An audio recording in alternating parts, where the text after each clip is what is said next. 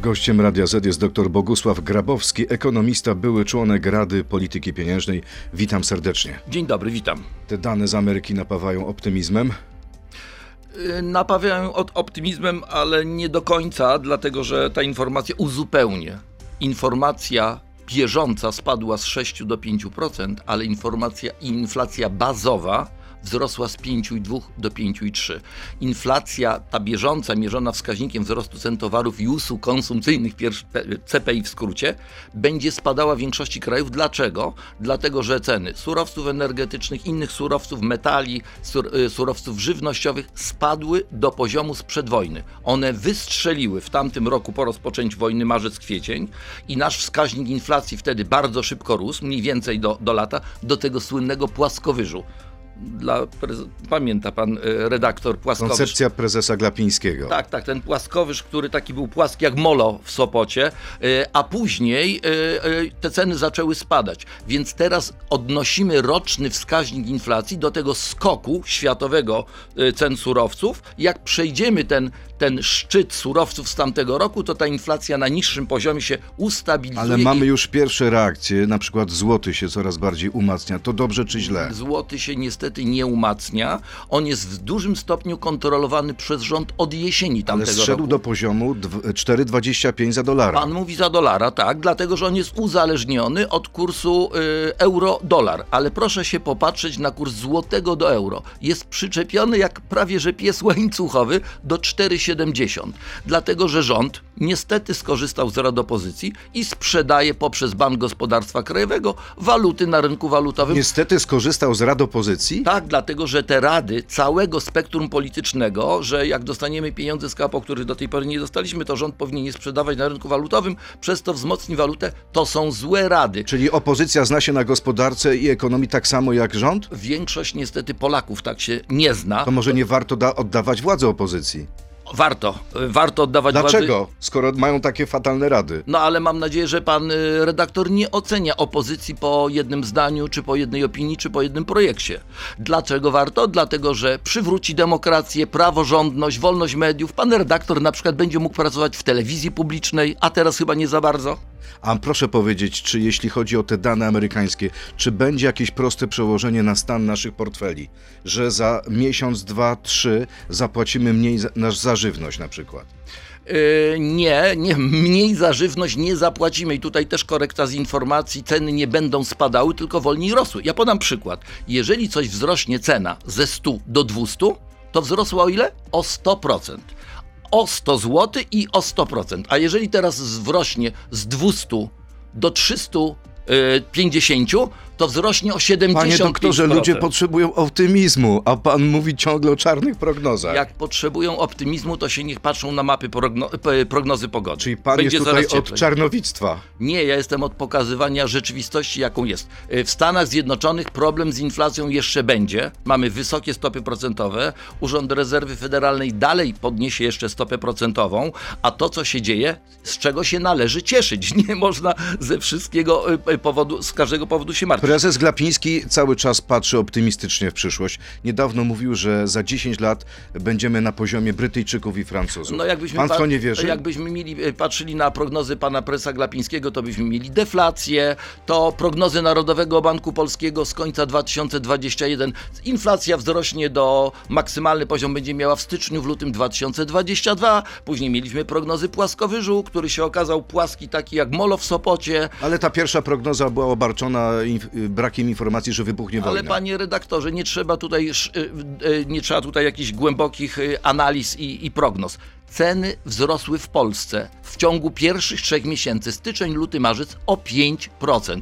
A prezes Glapiński mówi, że do końca roku inflacja spadnie do 6%. Czyli od kwietnia do grudnia, w ciągu 9 następnych, mają wzrosnąć tylko 1%.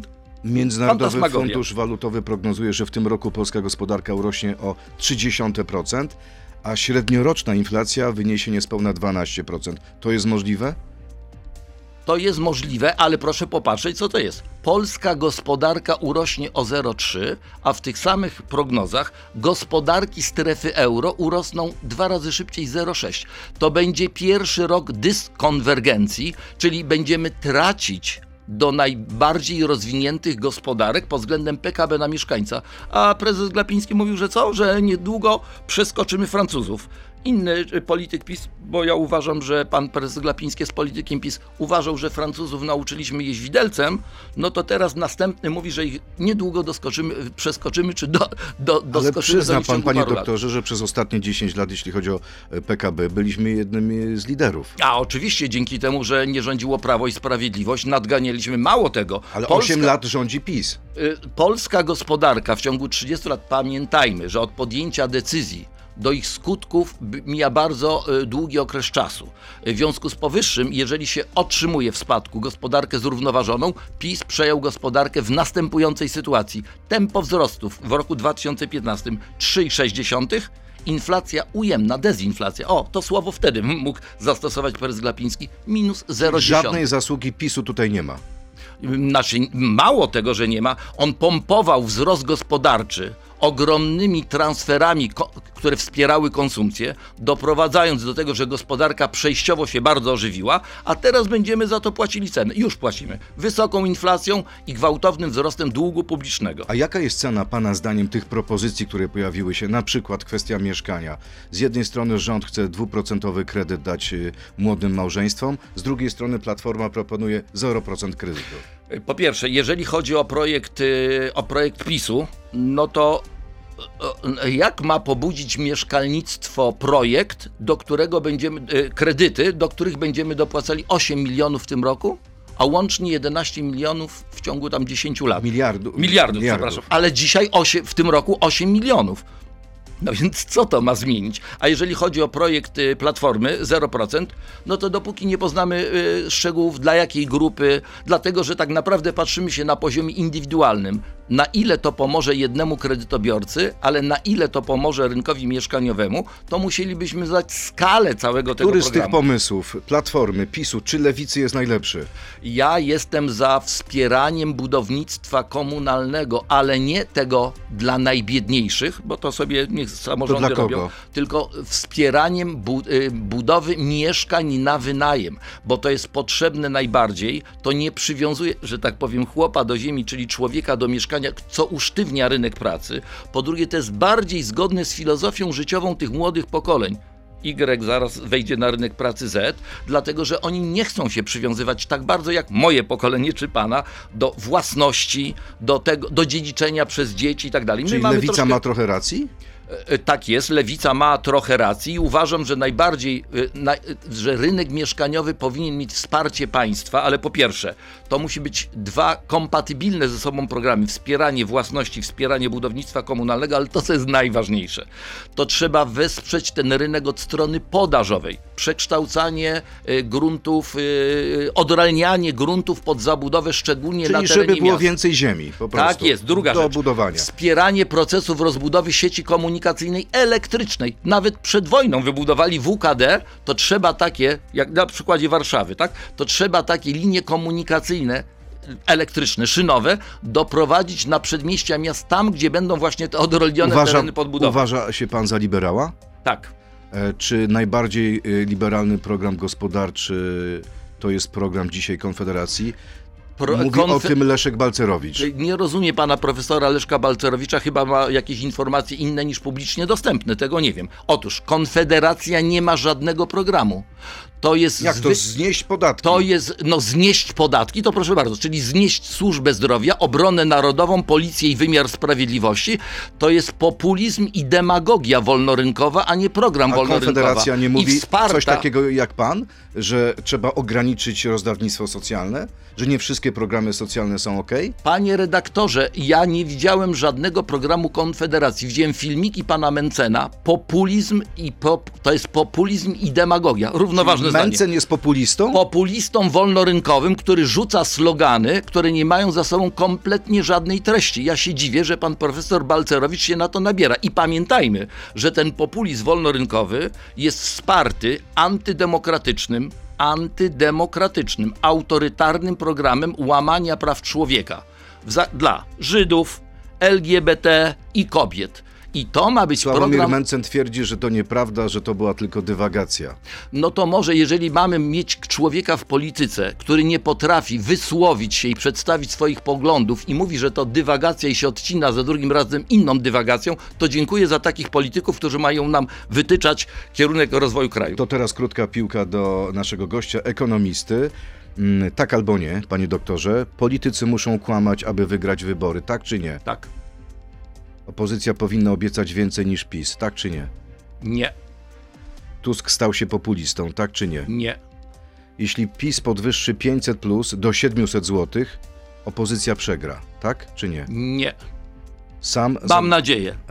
sam zagłosuje na platformę, tak czy nie? Tak. Dr Bogusław Grabowski, ekonomista, były członek Rady Polityki Pieniężnej, jest gościem Radia Z. Przechodzimy teraz do internetu na Radio Z.pl, Facebooka i YouTube'a. To jest gość Radia Z. To wróćmy do odpowiedzi na pierwsze pytanie z krótkiej piłki.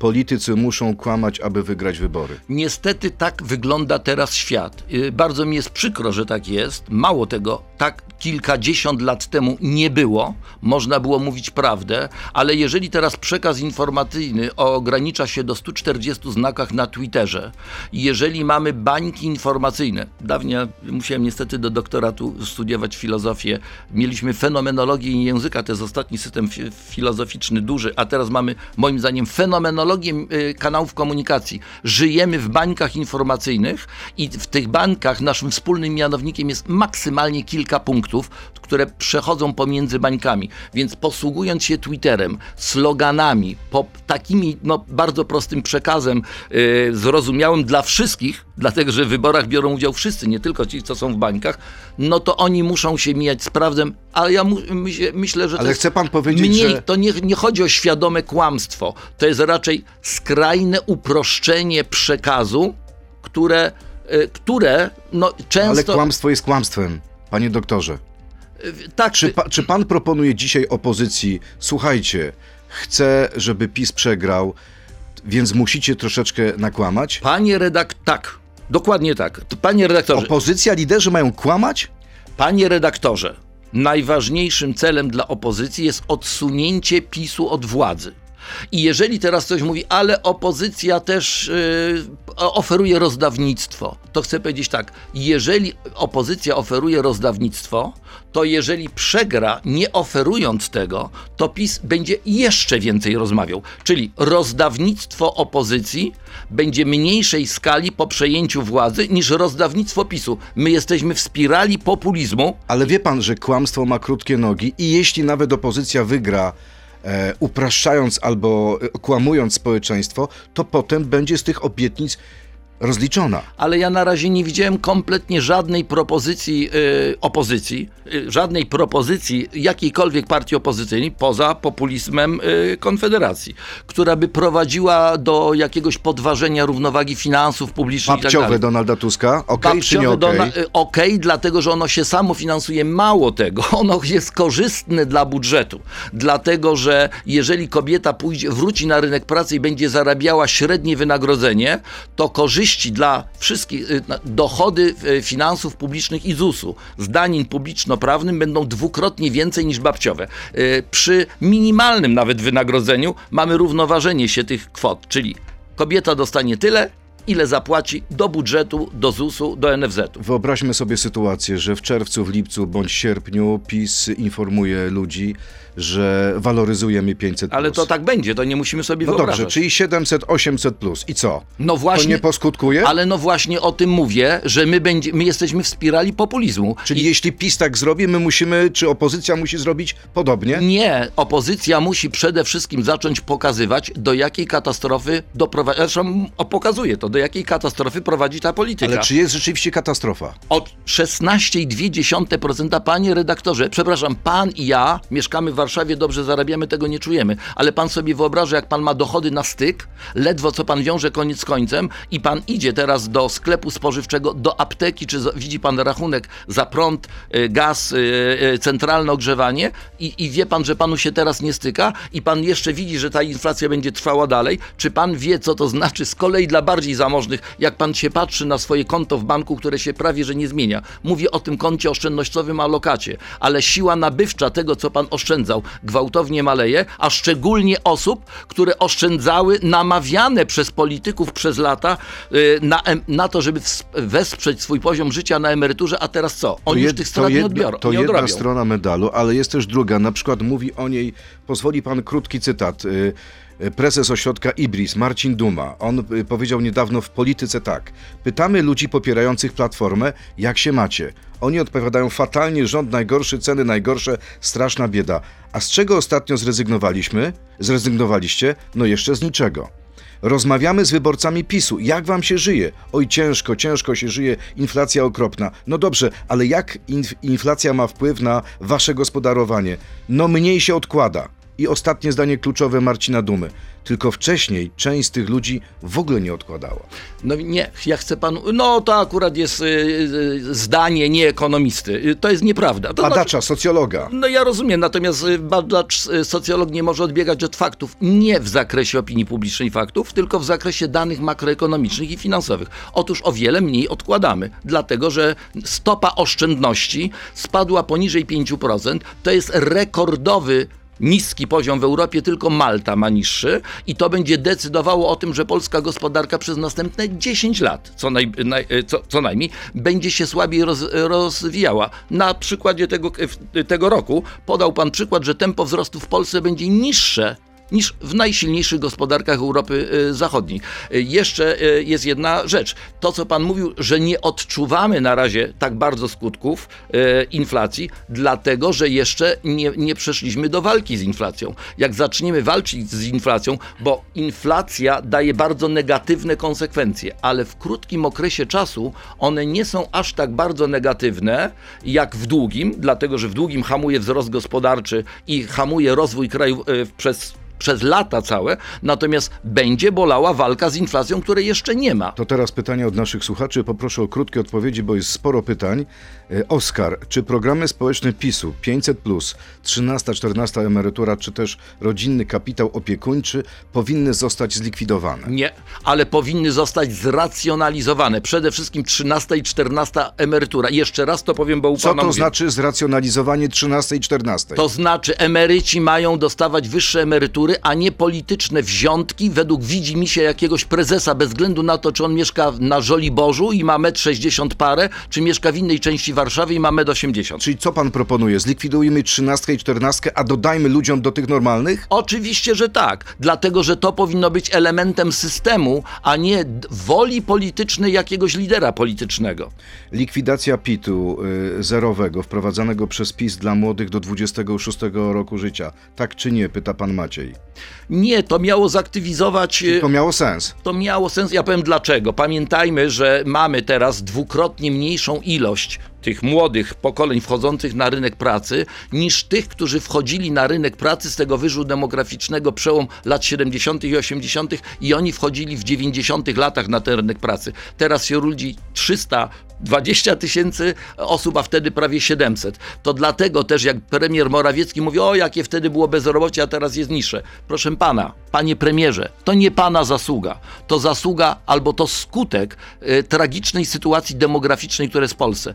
Pan zobaczy, panie premierze, że pomimo naprawdę ostrej walki z inflacją w Stanach Zjednoczonych, bezrobocie tam prawie nie rośnie, bo również tam mają problemy demograficzne. Oczywiście nie tak jak my. Ale u nas bezrobocie też jest małe. No właśnie dlatego mówię, jeżeli co roku Właśnie. z rynku pracy odchodzi prawie 200 tysięcy ludzi, Czyli nie zasługa rządu, tylko naturalne procesy. tak, tylko lenistwa mężczyzn i kobiet, E, lenistwa mężczyzn. prokreacyjnego. A, w tym sensie, okej. E, No dobrze, e, kolejne pytanie. Wiktor, jak to jest, że pożyczam 2 miliony na dom, a muszę oddać ponad 7? Kto i co musi zrobić, żeby kredyty hipoteczne przestały być złodziejskie? Wiem, inflacja, wibory i tak dalej, i tak dalej, ale jakim cudem kupuję jeden dom, a mam spłacać trzy? Właśnie, bardzo dobre pytanie. Pro, nie, panie redaktorze, proszę popatrzeć na ten program pisowski, który teraz jest w Sejmie, dwuprocentowy kredyt. To jest nie 2% kredytu, tylko 2% zamiast wiboru, plus marża do tego. Zamiast politycy wymi- wymyślać jak obniżyć stopę procentową dopłacając z budżetu, mają prowadzić politykę makroekonomiczną, która umożliwi obniżanie stóp, bo nie będzie inflacji. My mamy mieć tanie kredyty z powodu tego, że mamy niską inflację na poziomie celu inflacyjnego NBP.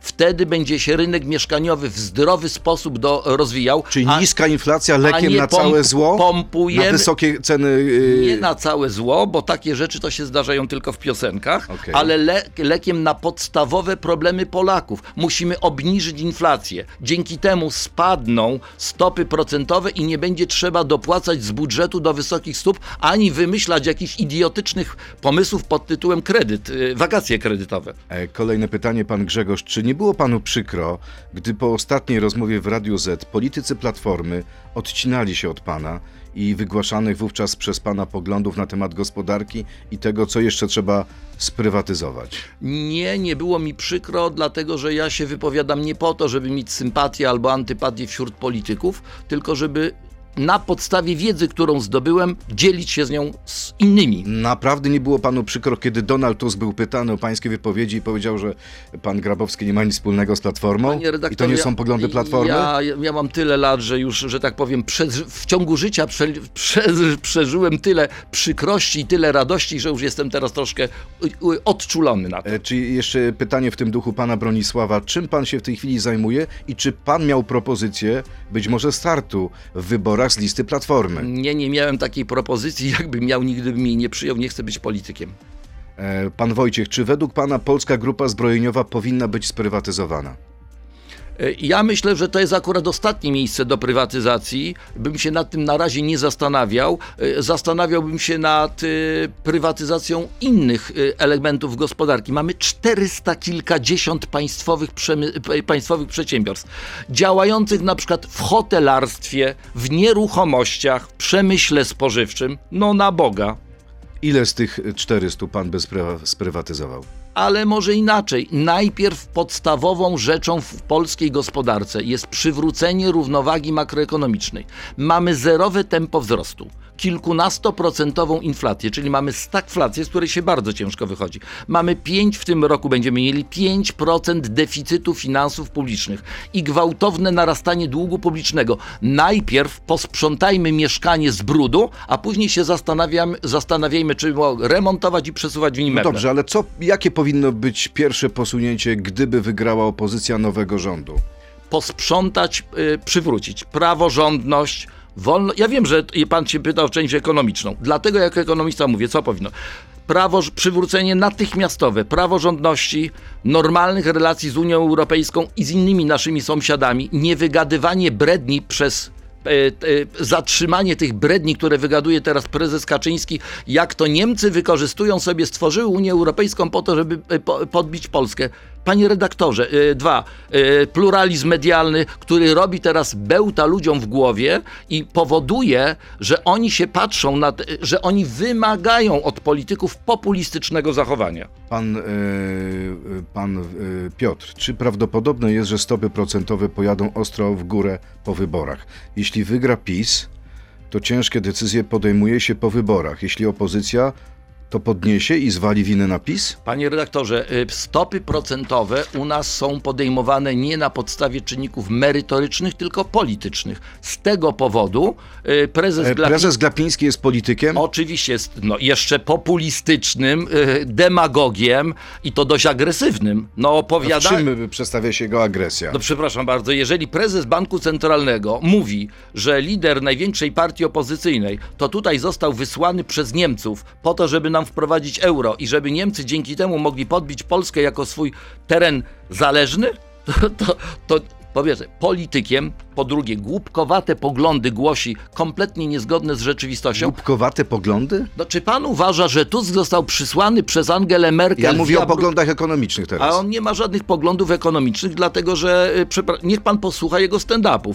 Y, Czy poglądem ekonomicznym jest to, że pozwalam trzem wilczurom skakać po kanapach, a w ogóle to zaleca, zalecam jeść y, kiszonkę, bo one mają dużo witaminy C, a jak byłem młodszy, to ja jadłem zupę warzywną, a jem Ale chleb baltonowski bez Glapiński może powiedzieć? Nie jestem sztywniakiem, opowiadam o różnych rzeczach. Ale to niech sobie Dlaczego mam nie opowiadać? Ale niech sobie opowiada dowolne dyrdymały i bzdury, nawet na molu swojej żonie Kasi, choć nie w zakresie polityki pieniężnej i nie jako prezes NBP na konferencjach prasowych, które mają uzasadniać decyzje ważnego organu państwa. Wyobraża pan sobie zmiany prezesa NBP po- wyborach wygranych przez opozycję? No więc właśnie, a propos mówimy, co powinien robić rząd, to rząd się powinien zająć przywracaniem Polski na normalne tory demokracji, polityki zagranicznej, Czy można wymienić zgodnie z prawem, zgodnie z konstytucją prezesa przed zakończeniem jego kadencji? Można, jest jeden taki, można, jeżeli on się sprzeniewierza ślubowaniu. Można, y, ale wtedy po pierwsze robi się to y, wniosek do Trybunału Stanu, y, prezes NBP podlega pod Trybunał Stanu, zarzuty muszą być jasne i A wie przejrzyste. pan, ile wyroków Trybunału Stanu w ostatnich 30 lat padło? Dlatego No sam pan, pan redaktor odpowiedział na pytanie, czy można, nierealne. czy można, można. Można mieć sprawiedliwy wyrok? Można, ale żyjemy w Polsce. Janek Wieńczycki, dużo mówi się o obniżkach podatków. Jeśli miałby pan obniżać podatki, to które zostałyby obniżone w pierwszej kolejności? Ale żadnych obniżek podatków. Proszę Państwa, niech Państwo nie wierzą w te dyrdymały pana Mencena i innych jakichś tam populistów y, wolnorynkowych z Konfederacji. Mamy 5% deficytu finansów publicznych. Budżet do praca, do prądu, do gazu y, sprowadził y, stawkę VAT na żywność do 5%. To trzeba będzie wszystko odkręcić, więc czekają nas spadki, czekają nas y, spadki dochodów z powodu tego, że będzie spadała inflacja, to wtedy. Jeszcze raz. W 2024 roku, co nas czeka? Bardzo niskie tempo wzrostu, spadająca inflacja i indeksacja wynagrodzeń, na przykład emerytur, rent i świadczeń społecznych w oparciu o inflację z poprzedniego Czyli roku. budżet potrzebuje bardzo wielu pieniędzy. Budżet będzie potrzebował zrównoważenia, czyli będzie musiał ograniczać wydatki, a na pewno nie ciąć dochody Czyli- po, poprzez obniżkę Czyli, podatków. czyli dzisiaj ktoś, kto obiecuje, że jeśli wygra wybory i będzie rządził, obniży podatki, kłamie. Tak jest. No dobrze, czyli No co? chyba, że jakiś tam jeden podatek sobie obniży. Czyli co, co Ja opozycja... Co, y, czeka nas y, pod krew i łzy? Czeka nas pot, krew i łzy, dlatego że musimy przywrócić y, inflację do celu inflacyjnego. A jak pan zobaczył, pan Duma panu pokazał, co myślą o tym, o swoim poziomie życia Polacy. Czy pan sobie wyobraża? Znał pan okres dezinflacji na początku lat 90. Czy pan sobie wyobraża, że będziemy obniżali, y, że ob, będziemy obniżali wydat, y, inflację, a inflację się obniża poprzez obniżanie popytu, a obniżanie popytu boli, bo jesteśmy przy, przyzwyczajeni I do właśnie starego poziomu. przypominają się wypowiedzi prezesa Kaczyńskiego i premiera Morawieckiego, że my chcemy obniżyć inflację tak, żeby bardzo nie bolało. To ja bym po- proponował, że albo żeby w ogóle nie, nie ma takiej możliwości. No niech sobie każdy y, wyobrazi, że ja mu zabieram 5 czy 10% wynagrodzeń, 5 czy 10% popytu, a on mówi, że go nie boli. Ale To- jeżeli, jeżeli tak jest, jak pan mówi, to jeśli opozycja przejmie władzę i będzie chciała obniżyć inflację, to to będzie bolało ludzi. Inflację ma obniżyć przede wszystkim Narodowy Bank No Polski. tak, ale jest tam prezes Glapiński. Sądzi pan, że zmieni zdanie? Ja myślę, że on będzie podejmował decyzje według kryterium politycznych. Na przykład będzie spadał ten wskaźnik roczny inflacji, będzie spadał w ciągu najbliższych miesięcy, a on powie we wrześniu przed wyborami, że no inflacja spada, jest już na poziomie 12 czy 11% i o 25 y, punktów bazowych obniży stopę procentową po to, żeby ludziom w głowie zaświtało, to już najgorsze jest za nami, mimo że przed nami, e, to teraz już będą stopy spadały, będziemy mogli znowu pójść po kredyt, uruchomimy kredyt 2% i tak dalej. E, Będzie nakręcał spiralę populizmu, bo to mu kupuje głosy, to mu- daje głosy i dalsze rządzenie. A my będziemy dalej w tym korkociągu, w którym jesteśmy. Ale czy- Przypominam, 0% wzrostu, 16,2% inflacji, 5% deficytu finansów publicznych i gwałtowny wzrost długu, który pan, ja, pani, pani, nasze społeczeństwo będzie spłacało. Panie doktorze, bardzo y, cenię pana za szczerość, ale czy nie sądzi pan, że jednak optymizm także gospodarce jest potrzebny?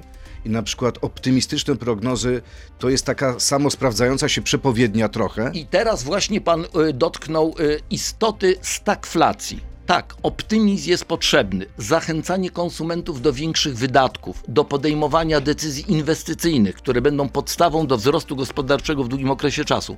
Ale on nie, ale ta, ta, tego typu optymizm jest potrzebny przy spowolnieniu gospodarki w normalnym cyklu koniunkturalnym, kiedy za mało popytu powoduje za mało wydatków inwestycyjnych, Czyli konsumpcyjnych, dzisiaj mamy sytuację nienormalną. powoduje, że spada tempo wzrostu. I na tym polega ta pułapka stagflacyjna, w której trzeba wyjść do szybszego wzrostu gospodarczego, ale bez pobudzania popytu, bez tego optymizmu. To jest bardzo trudne. Jeszcze w Polsce tego nie mieliśmy, a PiS jest ostatnią partią na ziemi, która by sobie z tym dała radę. Ostatnie pytanie od naszego słuchacza. Łukasz, czy w polskich szkołach powinno pojawić się więcej nauki na temat ekonomii, gospodarki, oszczędzania i inwestowania? Jak wtedy wyglądałyby sondaże, gdyby społeczeństwo umiało liczyć koszty programów socjalnych? E, No, pewnie sondaże by wyglądały inaczej. Tak, to jest bardzo potrzebne, ale na, na razie mamy, zanim to zaczniemy robić, to mamy inną rzecz. Zacznijmy uczniów uczyć matematyki. Zacznijmy uczyć fizyki, przedmiotów ścisłych.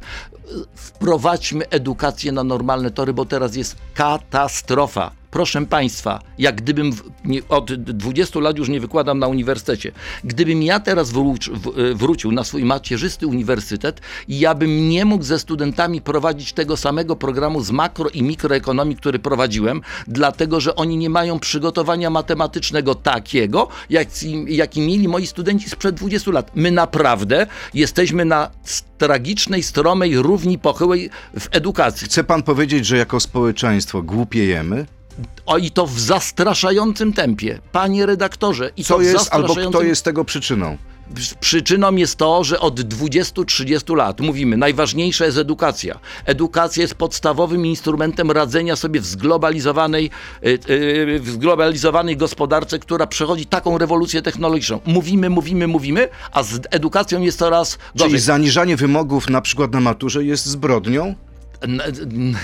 Za, zaniżanie poziomu nauczania w szkołach podstawowych, średnich i na uniwersytetach. Tam się dzieje najgorsza katastrofa na uniwersytetach. To jest katastrofą, a nie poziom Ale egzaminu. dlaczego? Dlaczego? Czy, czy ktoś Zaniża- chce, żebyśmy byli głupsi? Panie redaktorze, zaniżanie kryteriów na maturze wynika z tego, że coraz gorsi, gorzej przygotowani do tej y, matury uczniowie ją podejmują, a nie to nie matura zaniża poziom nauczania. Czyli edukacja. Zaczyna się od przedszkola, no powiedzmy Tak wprost. jest. I, a, te, a te egzaminy trzeba dostosowywać do poziomu tych uczniów, bo inaczej to byśmy. To Czy pan chce powiedzieć, zdali. że głupszym społeczeństwem lepiej się manipuluje?